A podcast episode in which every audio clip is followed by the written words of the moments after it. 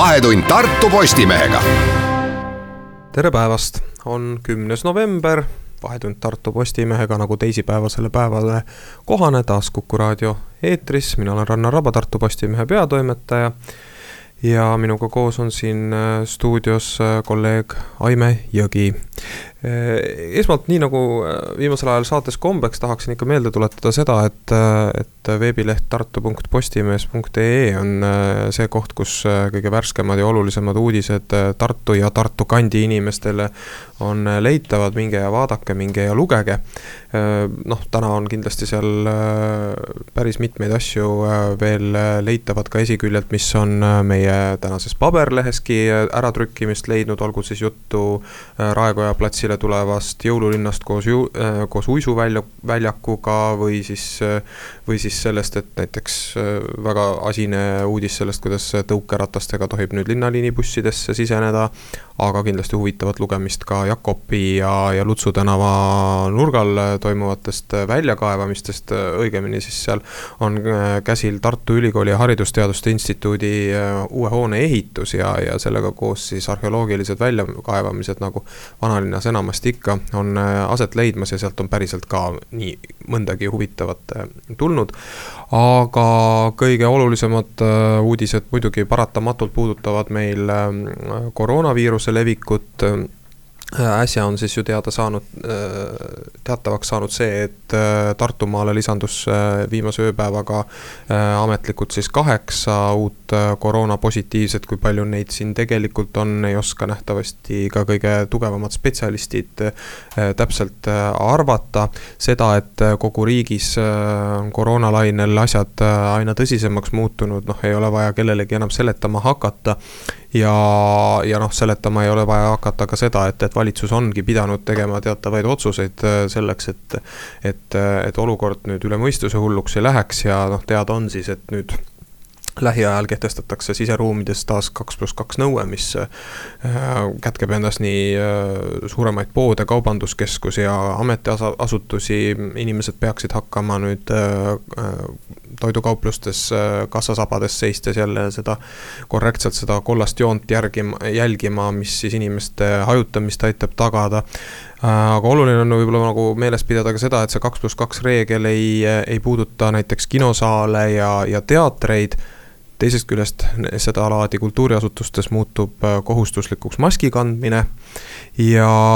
ja ka näiteks meelelahutusasutused eranditult peavad südaööst oma uksed äh, sulgema ja võib-olla üks huvitav detail veel, mis selles äh, valdkonnas võib-olla niimoodi kiiruga tasuks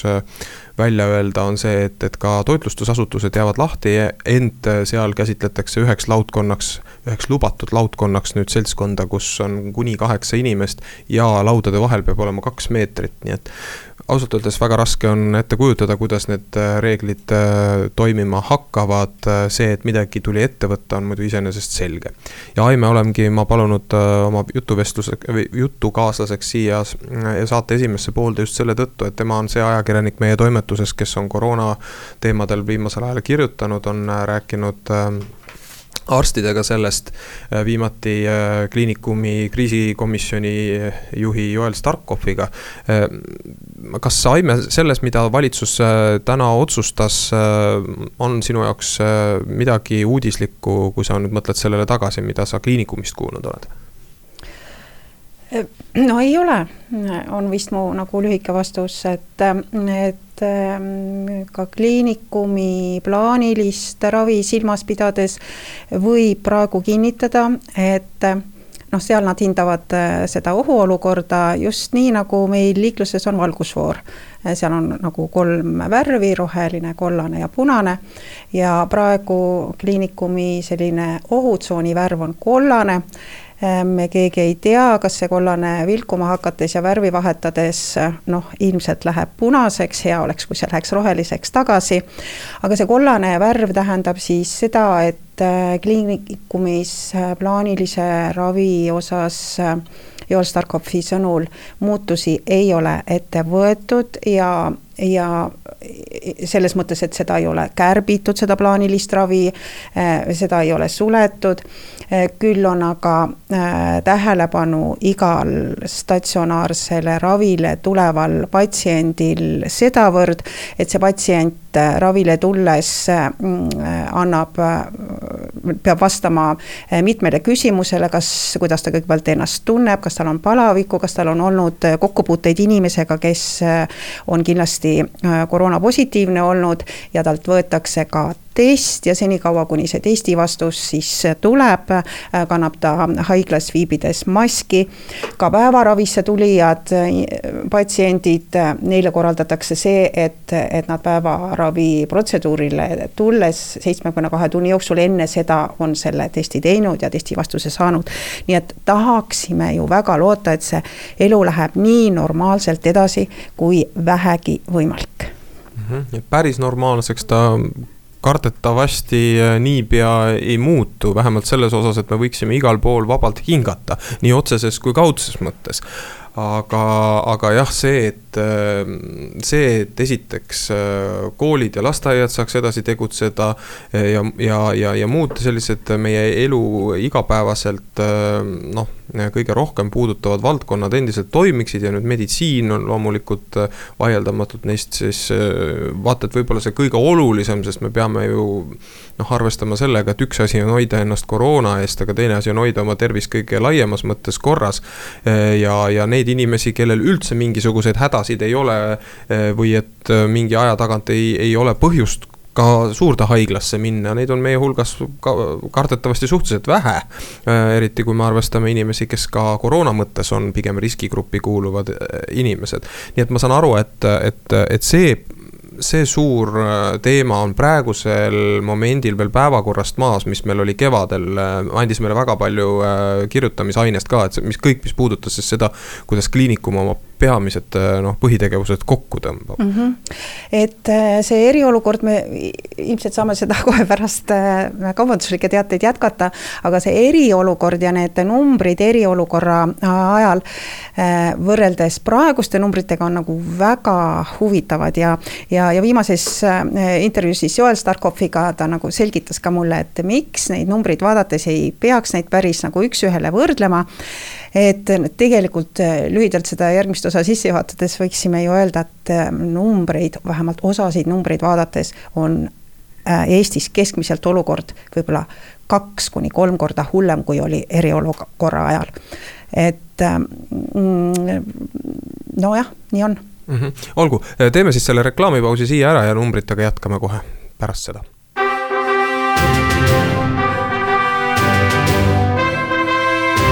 vahetund Tartu Postimehega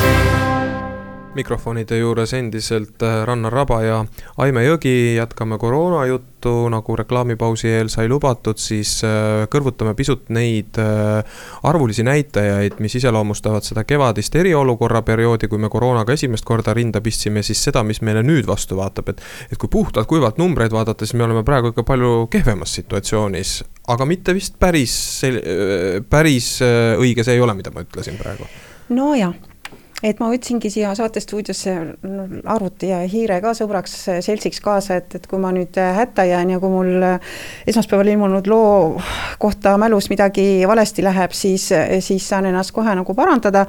aga tegelikult need pühapäevaõhtused andmed, mis ma esmaspäevasse loosse kirja panin, on juba tänaseks nagu vananenud ja tegelikult juba see kahe päeva võrdlus annab natukene märku sellest, mis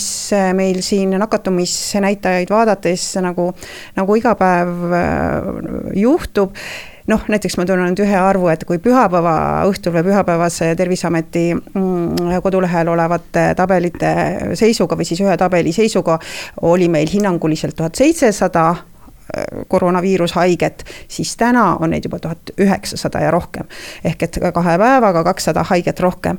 aga jah, nagu sa, Rannar, ütlesid, et võrdleks siis korraks seda eriolukorra aega praeguse ajaga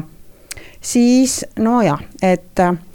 et aprilli alguse kuupäevad näivad seal olevat nagu kõige mm, suurema nagu noh, haigete arvu poolest kõige suuremate numbritega ja, ja keskmise sellise nakatumisnäitaja poolest kõige suurema numbriga, ehk et aprilli algul Äh, kui oli aktiivseid haigusjuhtumeid äh, pisut üle seitsesada, noh, see on siis nüüd ööpäeva näitaja, siis nüüd on äh, ligi kaks tuhat. et see on nagu kolm korda suurem arv või kui me võtame selle nakatumisnäitaja ehk siis viimase neljateist päeva nakatumised saja tuhande elaniku kohta eriolukorra ajal aprillis kõige suurem väärtus oli kuuendal aprillil ja see oli viiskümmend kuus koma kuuskümmend kuus noh, nüüd igal õhtul AK-st teleekraanil äh,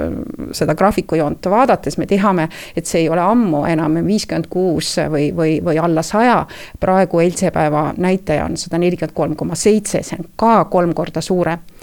noh, nüüd tuleks öelda siis aga ja see aga on seesama aga, mida professor Joel Starkovki ütles, et tegelikult neid arve omavahel absoluutarvudena võrrelda ei ole päris õige.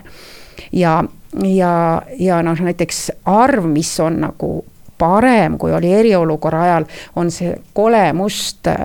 joon, see, see koroonaga või koroona tõttu surnud inimeste joon, et kui suve lõpus, kui, kui näiteks Tartu Ülikooli Kliinikum oli sellest viirusest puhas, kõik äh, koroonaosakonnad olid äh, pestud ja ja ühtegi koroonahaiget ei olnud, et siis Eestis oli koroona tõttu surnud inimesi kuuskümmend kolm, praegu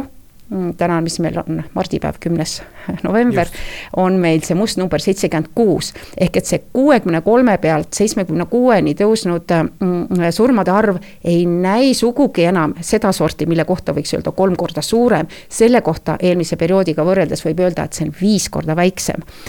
ja noh, loomulikult küsisin ma professor Joel Starkovi käest sedasama, mida nüüd praegugi, kes jõuab meid jälgida, küsiks, et miks see siis niimoodi on tegelikult üks vastus on testimisaktiivsuses, et mm, kui nüüd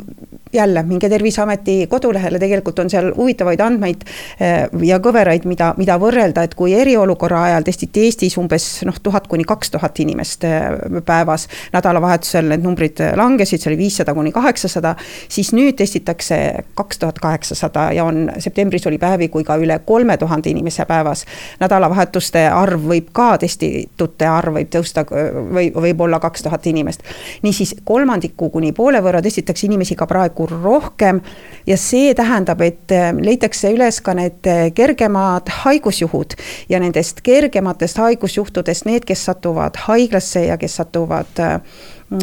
intensiivravisse, et protsentuaalselt on need arvud nagu väiksemad või, või rõõmustavamad. siis peaksin nagu tegema õige järelduse, et tegelikult jah, et me kevadel ei saanud pooltki aru seda, kui laialt see haigus oli tegelikult levinud, et kui me, kui me võtame aluseks selle, et, et haigus ei ole leebemaks läinud ja kevadel meil oluliselt rohkem inimesi pidi teise ilma selle tõttu minema, siis noh see annaks ju kuidagi sellise automaatse loogika korrutada nüüd seda näitu, mis me kevadel nägime, veel mitmekordselt suuremaks, kui see praegu on. Ja väga just nii ongi või noh,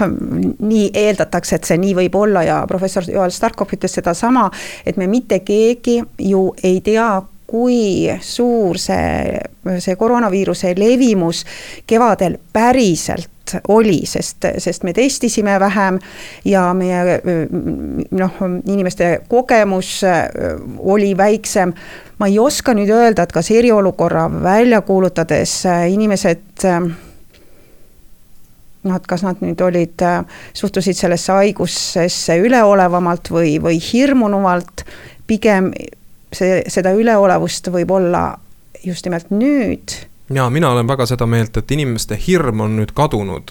kui ja kui mitte päris kadunud, siis oluliselt leebemaks muutunud. jah ja ma, ja ma ei, selle, seda öeldes äh, ütlen, et see kehtib minu enda kohta ka täpselt samamoodi. et kui ma vaatan seda, mismoodi me toimetame siin äh, oma meediamajas, äh, milliseid valikuid me igapäevaselt teeme, jah, me oleme pool oma kollektiivist kodukontoritesse suunanud, et mingisugunegi hajutatavust tekitada. aga me ei rutta selliseid absoluutseid ja, ja, ja väga rangeid valikuid tegema enam, nagu me kevadel tegime, tuletagem meelde, meil olid kevadel bussipeatustes üleval plakatid, mis hoiatasid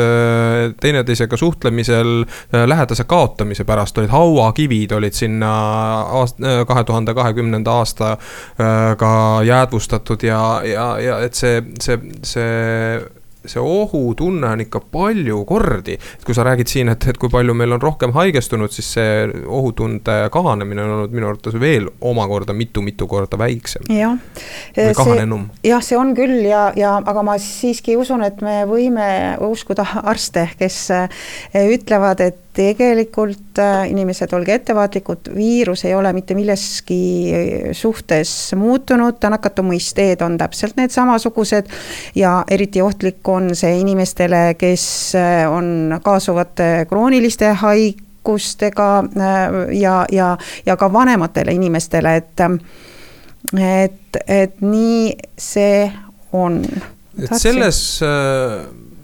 noh, mina iseenesest arvan olevat meie praegune valitsus pigem nagu targasti käitunud, et, et väga rutakalt ei ole ühiskonda sulgema mindud. jah, sest selle järgi me peaksime Harjumaa lukku panema, nagu me Saaremaa panime lukku, sest Harjumaal on näiteks, kui, kui Tartus me oleme harjunud, et noh, või noh, nüüd viimasel ajal ma olen tähele pannud, et noh, iga päev, kui tuleb Eike Kingsepa teade seal Terviseametist, pressiteade, siis vaatad ruttu, palju on ja palju siis Tartumaal on ja vahel on seal kaks ja vahel on seal üks ja vahel on seal neli. täna oli juba kaheksa, kaheksa., jah. Äh, Harjumaal on kümme korda rohkem, üheksakümmend üks. see on muidugi olnud väga huvitav äh, ja minu jaoks isegi äh, väga ütleme siis üllatuslik, et kui me vaatame neid Harjumaa nakatumise numbreid võrreldes ülejäänud Eestiga, noh, Ida-Virumaa ka sealjuures. et üldse noh, ütleme laialt siis Põhja-Eesti, siis see osa Eestist on olnud äh, nakatumislainel ikka juba kaugelt üle kuu aja ja millegipärast nagu Lõuna-Eestisse see haigus, jumal tänatud, ei ole väga laialdaselt seni levinud. no tahaks väga loota, et see nii ka jääb, aga ütleme nii, et ega mingit loogikat siin väga ei paista mm -hmm. olevat, inimesed ju ometigi Eesti eri osade vahel sõidavad. jah, aga need inimesed, noh, no ma ei tea, kas sellisest üleskutsest on äh, abi, aga nad võiksid mõelda ikkagi sellele ohule rohkem ja vastutustundlikumalt. ehk saame nii, et see, see Harjumaa eh, tase siiski siia Lõuna-Eestisse ei jõua ja, ja nii hoiame ka oma vanu, oma vanaemasid, oma vanemaid, oma, oma vanatädisid. ja, ja tegelikult, kui siit eh, graafikatest veel ühte vaadata, et kes on need inimesed, kes kõige selle aja jooksul, mil meil koroonaajast on, Eestis on üle kuue tuhande inimese seda haigust põdenud, siis kõige enam haigestunumate, haigestunud inimeste vanus ei ole ainult see, et kaheksakümmend ja kaheksakümmend viis. see, see on kõige paksem seal, kus inimesed on kolmkümmend kuni kuuskümmend viis aastat vanad, mehed, naised, need on kõige rohkem olnud sellest haigusest räsitud mm. -hmm. targad nõuanded, äh, hoiame ennast, äh, käime võimalikult vähe seal, kus ei ole vaja käia. aga kindlasti käime ära reklaamipausil ja uudiseid kuulamas ning siis räägime juba siin Tanel Teiniga hoopis Arena Tartu rajamise ideest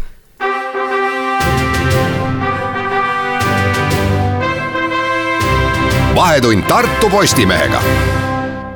tere tulemast tagasi, mina olen Rannar Raba ja nagu äh, enne pooltunni uudiseid sai lubatud, on saate teises pooles äh, külaliseks äh, Tanel Tein valimisliidu Tartu eest üks asutajaid ja aktiivseid liikmeid, praegu küll mitte linnavolikogu liige, aga Tartu juhtimises osalev siis arengu- ja planeerimiskomisjoni liikmena. Tanel Tein on siin saates eeskätt siis sellepärast, et, et on tema olnud üks peamiseid eestvedajaid sellele ideele, mis mis unistab siis äh, sellest, et ühel päeval võiks äh, Raadil, ERM-ist mitte väga kaugel, seista äh, suur linnahall või noh, nimetame siis nii, nagu te isegi seda olete nimetanud, Tartu Arena. koht, mis sobiks ühtaegu nii mitmetuhandelise peaga publiku kutsumiseks küll kontserditele, küll spordivõistlustele. seejuures olete rääkinud ka sellest hoonest kui, kui, kui perekeskusest miks see on praegu oluline ja aktiivne teema, eeskätt just sellepärast, äh, mida me puudutasime ka eelmisel nädalal siinsamas saates. nimelt äh, Riigikogu äh, kultuurikomisjon on praegu vaagimas tervet rida ideid, mis on laekunud erinevatest Eesti piirkondadest. selles kontekstis, et milline neist oleks väärt järgmises suures rahastamisvoorus saama kultuurkapitali toetust noh, teame, et näiteks seesama ERM on olnud just nimelt sellesama kanali kaudu omal ajal rahastatud, aga mainida võib selles kontekstis ka näiteks Kunstimuuseumi Tallinnas, Kumu. Need on olnud Eestile väga olulised objektid, kui varem oleme me rääkinud Kultuurkapitali investeeringu puhul nagu justkui sellistest tulekahjude kustutamisest, nii ERM kui ka seesama Kumu, Muusika- Teatri Akadeemia arendused. Need on olnud sellised teemad, mille puhul on kogu aeg räägitud, et need on nagu justkui Eesti rahva võlg või siis Eesti rahvale peale sunnitud võlg, mis vahepealse sellise äh, okupatsioonist tingitud arengupeetuse tõttu on tegemata jäänud, siis nüüd on jõudnud see komisjon esmakordselt sellele tasandile, kus arutatakse päris uute ideede üle ja see on muutnud valiku väga põnevaks. ja tartlased on muidugi sellesse sekkunud veel omakorda põnevust tekitavalt seetõttu, et on vaata et mindud teineteisega sinna ise omakorda rinda pistma. Äh, see Tartu Arena idee ei ole ju ainukene linnavalitsuse eestvõttel, noh, ütleme siis päris otse, et äh, linnavalitsust juhtiva Reformierakonna eestvõttel äh, on siis mindud küsima raha Sükule ehk südalinna kultuurikeskusele, mis peaks hakkama pakkuma peavarju kunstimuuseumile ja linnaraamatukogule, aga veel mitmesugustele muudele tegevustele ja nüüd see vastandumine nende kahe projekti vahel teadmises, et mõlemad niikuinii raha ei saa, on olnud see, mis on ainest pakkunud ka paljudele uudistele. nii, see oli nüüd siis see osa, mis tuli äh, igal juhul äh, lihtsalt kohustuslikus korras ära rääkida äh, nendele, kes tausta võib-olla päris hästi hoobilt ei jaga. aga Tanel Tein, milline on teie hinnang praegu sellele, mida noh, millele otsa vaatab ka kultuurikomisjon seal Tallinnas, te käisite eelmisel nädalal oma ideed kaitsmas, kuulsite seal ka, kuidas linnavalitsuse esindaja esindajad Süku ideed kaitsesid, no kes siis saab lõpuks raha? jah, tere. et eh, jah, sai käidud ja ma arvan, et kõik objektid või ideed, mis on kultuurikomisjonile esitatud, võiksid olla Eestile head ja, ja ka vajalikud, et kõlama jäi sealt põhimõtteliselt kaks aspekti, kuidas nagu nii-öelda komisjon seda asja hindab et ähm, kaks kriteeriumi nii-öelda, millest esimene on, et objekt peab olema Eestile olulise kultuurilise väärtusega või sisuga ning teiseks, sellel objektil peab olema nii-öelda regionaalne mõõde. et võib-olla see regionaalne mõõde on nüüd see uus asi, mida varem otseselt nagu pole väga ka rõhutatud. ma ei ole küll täpselt kursis, aga nii tundub, et me nagu elu ei läheks väga Tallinna, et siis riik vaatab nagu ka piirkondi, kuidas siis nii-öelda piirkondlikku arengut võib-olla anda. jah, seda on ka meie oma mees Aadu Must komisjoni juhina rõhutanud, et, et kui seda valikut tegema tegema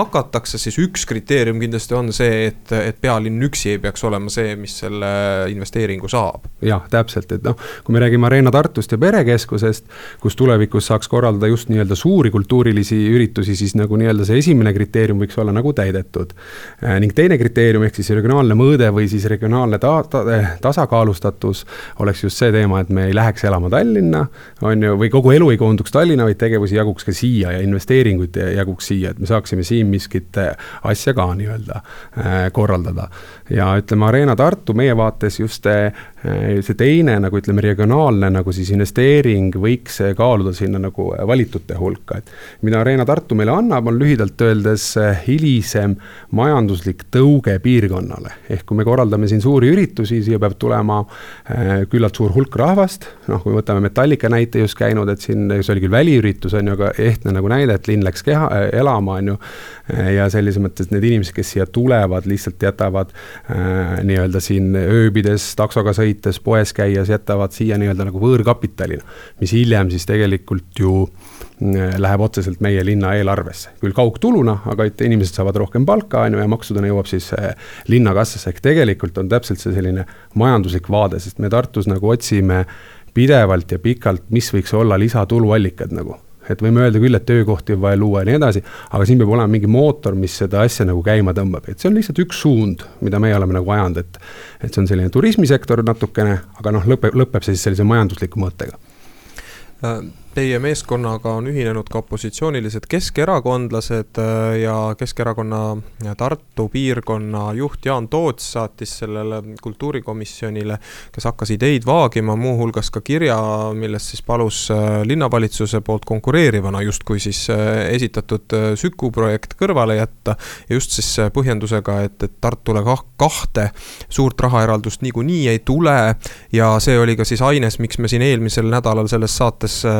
jõudsime arvamuseni, et sellise vastandumisega kaugele ei jõua ja kasutasime ka väljendit, et, et keskerakondlased sellise stiiliga teie enda Arena Tartu idee justkui nagu surnuks kallistasid, aga nüüd on äh, kindlasti, ma juba näen näost, et äh, on tahtmist sellele ideele vastu, noh, ütleme siis sellele seisukohale vastu vaielda. andke aga tuld ei, ega ei saa ju siis selles mõttes, et meil oli oma idee, oma idee ja Keskerakond, Keskerakond tuli ju ka tegelikult linnahalli ideega. ja need pandi ühte nagu patta ja,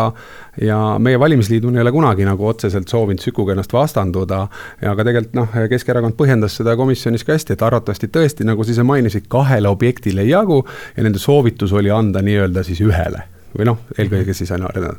et noh selline käik on olnud, aga äh, midagi pole teha, tuleb edasi liikuda. see, miks mind vastandamine, vastandumine siin häirib äh,, tuleneb paljuski sellest, et siiamaani pole mitte keegi äh, üritanud, aga võib-olla on asi ka meie enda toimetuse ajakirjanikes, et me pole osanud seda õigel hetkel küsida äh,. vähemalt siis seda põhjendust, et miks ei ole äh, Arena Tartu ideed ja Süku ideed proovitudki panna ühte patta kunagi, et tegelikult juba eelmistest valimistest alates on need äh, mõtted ju äh, avalikkuse ees keerelnud, need olid ka valimiste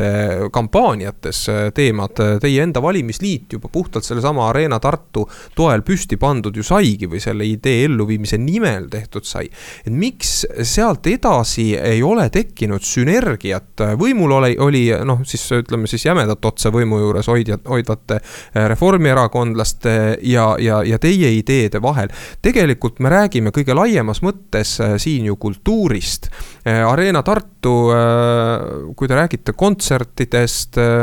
ka sport on osa kultuurist, võiks ju olla vabalt ka selline asutus, mille, ma ei tea, siis ühte hoone ossa mahuksid ka sedasorti kultuurivaldkonnad, nagu seda on kunst või raamatukogu. ma ei tea kas see puhttehniliselt mahtude mõttes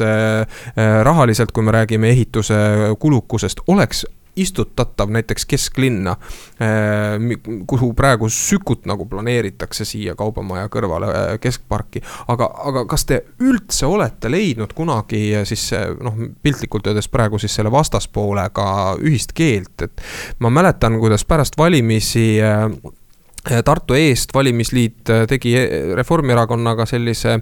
lepingu, milles küll justkui ütlesite, et te koalitsiooniliikmed ei ole, aga toetate neid ja siis ühel hetkel suure pauguga see koostöö, mis õieti käima ei läinud, läks lõhki ja nüüd te olete siin nii meie arvamuskülgedel kui ka mitmel pool mujal olnud Reformierakonna juhitava koalitsiooni suhtes väga teravad, et miks see nii on läinud, öelge mulle palun, kuidas te siin, lõppude lõpuks Tartu on väike, ei saa hakkama omavahel. No esmalt lepped lõpevad siis, kui keegi ei pea sõna. et ma arvan, see võtab selle teema nagu kokku, aga kui mõelda, et miks Süku ja nagu Arena ei võiks nagu leida ühisosa, siis kindlasti see ühisosa võiks ju seal olla, kui me oleksime arvatavasti mõlema projekti alguses, et saaks neid asju planeerida juba nagu selliselt läbi mõelda suuremalt, sest Äh, Arena mõistes. neli aastat tagasi te olite alguses? Äh, no tegelikult väga me ei kuulnud siis veel sellist sükuplaanist mm, -hmm. kui me täpsustame, äh, noh, oli selline ähmane, et aga, aga noh, mõlemad vajavad märkimisväärselt ruumi ütleme nii-öelda just, et suurkontserdid nagu ma arvan, et on küllalt keeruline panna nagu ühte nagu majja, kui me räägime Raadil, kus on tegelikult angaarid nagu veel kasutust ei ole leidnud, seal võiks tekkida tegelikult mingis mõttes tõesti ühisosa, aga noh, see on nagu täiesti eraldi teema äh, Äh, miks mitte seda nagu arutada, absoluutselt, ega see, kui siin mõlemad nii-öelda näitlikult sellest rahavoorust edasi ei lähe või läheb üks või läheb teine, noh, see teema jääb alati nagu pikemaks ajaks siin nagu lauale arvatavasti. seda võib kaaluda, et ähm, ja noh, hetkel, hetkel on ka nagu natukene selline eh, nagu ebakõla võib-olla või ütleme, kui me nägime, näeme seda projekti Raadile, mis tõmbaks selle piirkonna käima ja teiselt poolt Sükut planeeritakse kesklinna parki, millega me oleme noh, eh, kahjuks küll nüüd siis või õnneks nagu täiesti eriarvamusel. et eh, noh, siis seda ühisosa selles osas on keeruline nagu leida mm. -hmm. ja ei, ma mõistan suurepäraselt, et hetkeolukord äh, seda mõttemängu väga ei toeta. Äh, ei toeta loomulikult meie mõttemängu ka see, et me peame reklaamipausile ära käima, aga kindlasti häälestame pärast seda ennast teemale tagasi.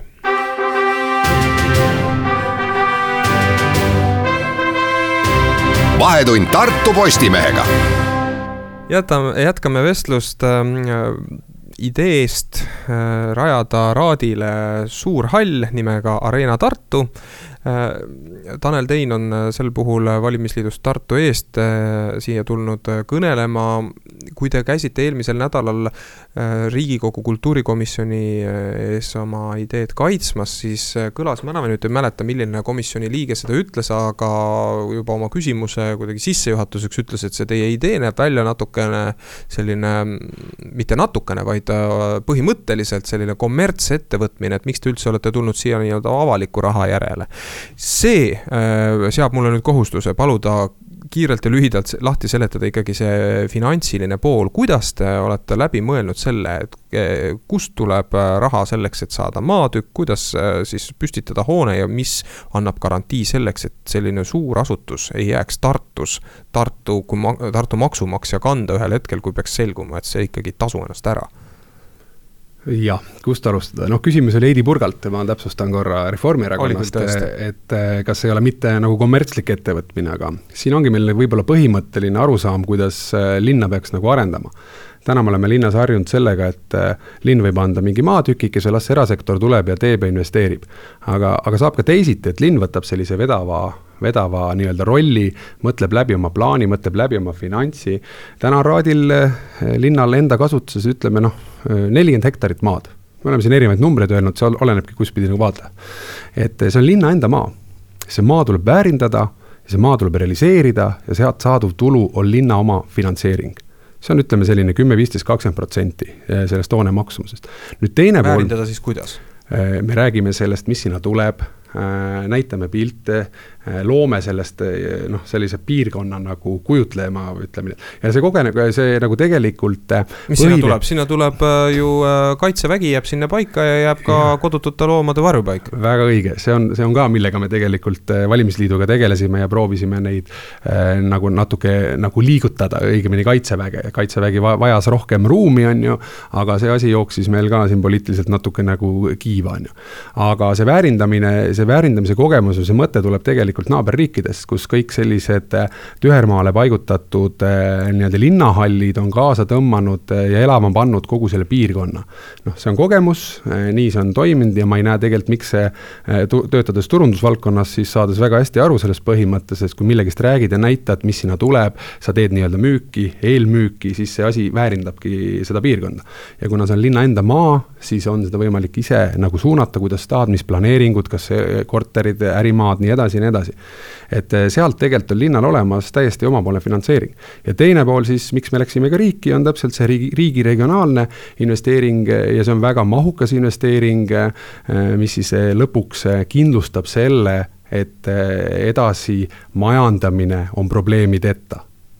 et kõik need varasemad tasuvusanalüüsid, mida siin tuuakse nagu näiteks, ei ole seda aspekti arvesse võtnud ja nii lihtne see ongi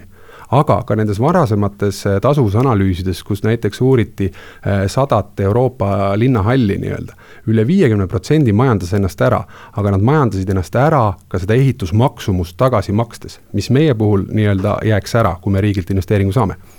kas see oleks tehtav ka mingil moel, kui äh, ei tule selle sama äh, fondi kaudu sealt kultuurkapitali raha? Ega Kultuurkapital ei ole kindlasti ainuke, noh, meie kohus oli minna, kui ei küsi, siis ei saa kui küsid, siis küsitakse sinult lisaküsimusi, mis see on, me tegelikult tutvustame täna riigile seda projekti, tutvustame seda regionaalset piirkonna nii-öelda tõmbemootori vajadust, et midagi peaks siia nagu tekkima, mis meil aitaks ka Tartust saada tõmbekeskus, me teame, et meil on tegelikult ju probleeme äh, uute maksumaksjate saamisega, me ei suuda linnana kasvada, ka see on nagu üks selline noh, Tartus toimub midagi, noh, selline turunduslik vaade võib-olla, aga, aga kui siia tuleb võõrkapitali, loob see juurde kindlasti uusi töökohti, töökohti, võimalusi, sest piirkondadele tuleb raha. Ja aastaringselt ja regulaarselt missugused ürituste need, näol. millised need alternatiivsed allikad võiksid olla, me räägime ikka väga suurest summast, mida selle hoone püstipanekuks, noh, rääkimata juba sellest, et arhitektuurikonkurss nõuaks päris, päris kena nutsu ilma, ei, me ei olegi seda kordagi mõelnud, et linn teeb seda oma rahade eest ja ainult erasektor teeb selle oma raha eest, erasektori osa on ka kindlasti seal olemas, aga siis, kui linn juba seda projekti on nagu vedamas. aga see on puhas poliitiline otsus ma jõuaks sinna. ja riigis selles mõttes regionaalset, regionaalseteks investeeringuteks äh, raha aeg-ajalt ikkagi leitakse. ja, ja see nii ulmeline tegelikult ei olegi, et äh, olles istunud siin nii mõnegi juhtiva poliitikuga, kes, äh, kes on mulle nagu sisendanud, et Tanel, see on tegelikult kolme-nelja inimese kokkulepe mingil õigel ajahetkel, kui projekt on õiges staadiumis, kui me võtame täna tegelikult äh, koroonasituatsiooni, kus me saame äh, päris palju võetakse laenu ja proovitakse hoida majandust elus äh, mingite investeeringutega. kui meil täna need projektid oleksid nagu projekti tasemel tehtud, konkursid tehtud, meil oleks päris hea šanss saada, ma arvan. Et see tähendabki seda, et linn peab vedama need projektid teatud kaugusele, et meil on nagu, kui aeg on õige, poliitiliselt asi sobib, keegi ei kahtle seda, et vaja ei ole. Selle me saame ju nõustuda, ma arvan, et keegi ütleb, et noh, ei seda pigem, pigem ei, kui on võimalik riigi poole investeering saada. Et me peame olema valmis lihtsalt selleks ja seda asja nii kaugele ajama. aga üks asi meil on veel siin praegu lahti seletamata, meie veergudel olete te seda varemalt seletanud, aga olgu siis täpsuse huvides korratud. et eh, miks te arvate üldse, et nende hoonetega, mis praegu Tartus on, kui me räägime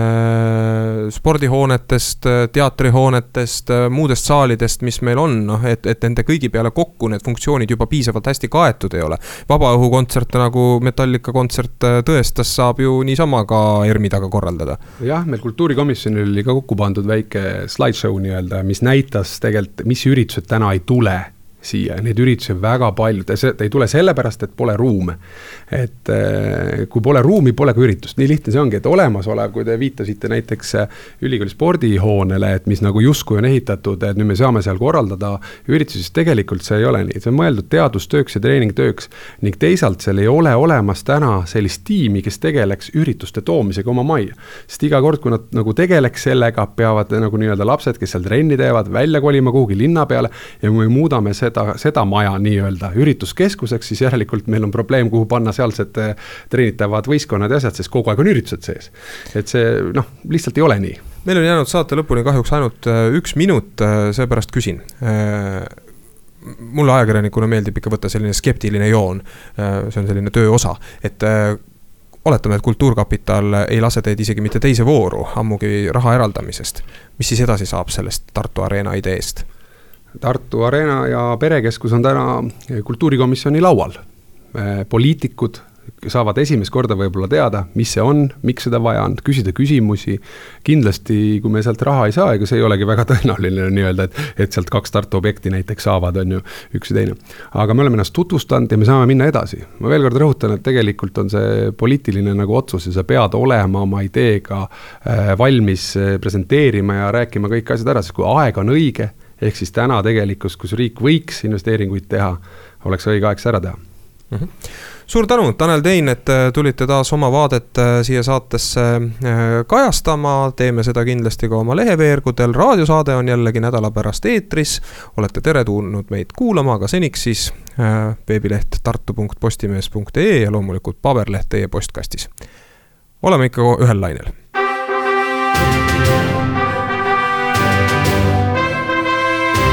vahetund Tartu Postimehega